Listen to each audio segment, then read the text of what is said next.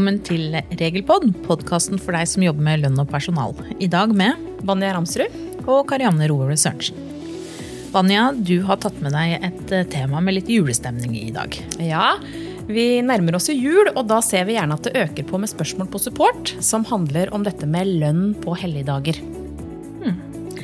Jeg har tatt med meg et tema ikke så julete, men eh, ofte litt praktisk. Og det er disse reglene for sporadisk bruk av arbeidsgivers bil eh, når det ikke er skatteplikt da, på å bruke arbeidsgivers bil. På slutten så har vi også tatt med oss eh, ja, Det er litt sånn basert på eh, spørsmål på support og litt på spørsmål på kurs. Eh, et par tips som jeg har tenkt å avrunde med. Hmm. Men Vanja, er det sånn at ansatte har krav på lønn i jula også for dager man ikke er på jobb? Ja, altså Når ansatte har fri fordi arbeidsdagen faller på en helligdag i jula, så er jo hovedregelen at man ikke har krav på lønn for denne dagen. Vi får starte der. Men det er klart at ved vurderingen av om ansatte har rett på lønn for bevegelige helligdager, så går det jo et skille mellom ansatte med månedslønn og ansatte som har timelønn. Hvis den ansatte har avtale om fast månedslønn, så får som hovedregel denne personen fast lønn utbetalt hver måned, uavhengig av hvor mange arbeidsdager eller fridager det er i den enkelte måneden. Så med en slik avtale da, så vil jo den ansatte da normalt ikke trekkes for lønn på bevegelige helligdager. For timelønnede så er vel egentlig utgangspunktet det motsatte. De får kun lønn for timene de faktisk er på jobb. Så en timelønnet ansatt vil derfor eh, kun ha krav på lønn for bevegelige helligdager i jula dersom vedkommende faktisk har jobba.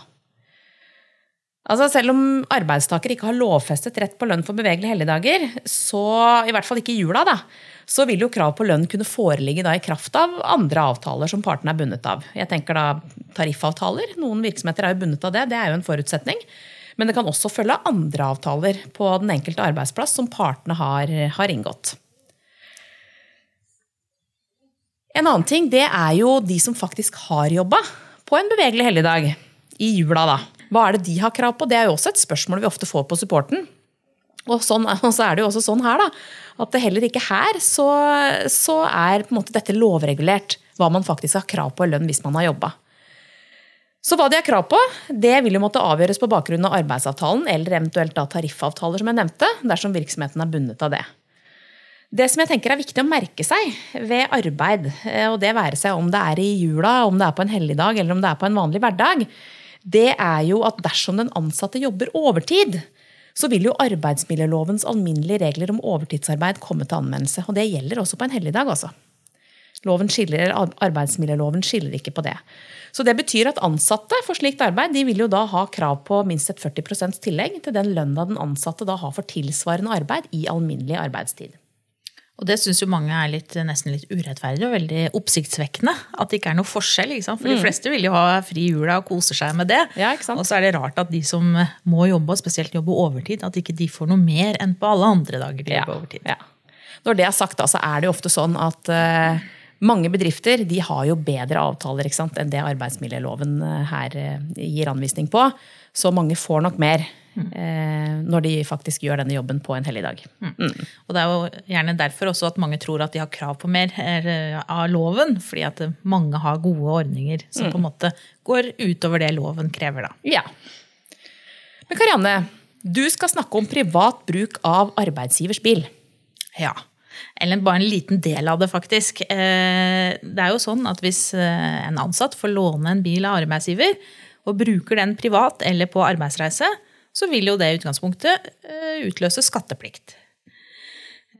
Det er jo reiser som er arbeidsreiser eller private reiser vi da skatter av. Er det yrkesreise, så vil det jo ikke være snakk om noe skatteplikt. Denne grensa da, mellom hva som er arbeidsreise og hva som er yrkesreise, som er ganske sånn viktig begrep, viktige begreper eh, når man holder på med lønn, eh, det er ikke alltid så lett å finne ut av. Hvis man syns det er litt vanskelig, så kan jeg anbefale en podkast fra tidligere i år hvor eh, vi gikk gjennom eh, litt hovedregler for arbeidsreise og yrkesreise. Vi sier jo at firmabilene er litt rigide, eh, og det er ofte kostbart å ha firmabil. Og så er det ofte sånn at de som ikke har firmabil, så kan det være at de også får lov å låne arbeidsgivers bil av og til. Og er det skattepliktig, eller er det ikke? Her har vi jo en regel som sier at sporadisk bruk av arbeidsgivers bil, det er ikke skattepliktig. Eh, og hva er sporadisk bruk? Det hadde vi ikke noe klar avgrensning på før. Men fra 2016 eh, så fikk vi en klar avgrensning i regelverket.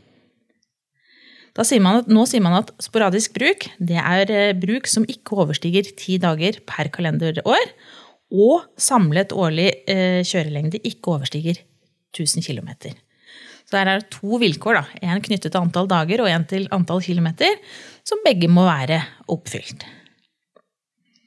Dette gjelder jo eh, per ansatt, per arbeidsgiver, per år. Det som noen ganger overrasker litt, det er jo hvordan man teller disse dagene, da. Eh, og antall påbegynte dager eller døgn eh, telles med som én dag. Og har ansatte lånt bilen, så anses også dager hvor bilen står parkert da, hos den ansatte, og teller med i disse dagene. Så ja, Som praktisk eksempel er kanskje at arbeidsgiver har en bil stående, og en ansatt skal flytte. Nå ble det deg i dette tilfellet, Vanja. Ja. Hvis man sier Vanja, ikke lei deg en bil, eller lei deg henger. Du eh, kan få lov å låne den bilen vi har stående på arbeidsplassen. Eh, hvis Vanja da tar med seg den bilen hjem på fredag, eh, bruker den til å flytte på lørdag, lar den stå hjemme på søndag, og tar den med tilbake på arbeidsstedet mandag morgen, da er fire av disse eh, ti dagene allerede brukt opp. Så disse dagene da, de farer ofte eh, fort av sted. Eh, så, så, her må man være litt sånn på vakt. Mm. Men tenker du da at arbeidsgivere som har rause ordninger for å låne ut bil, bør ha litt oversikt over hvilke ansatte som bruker bilen? Hvor mange dager og kilometer? Da, eller?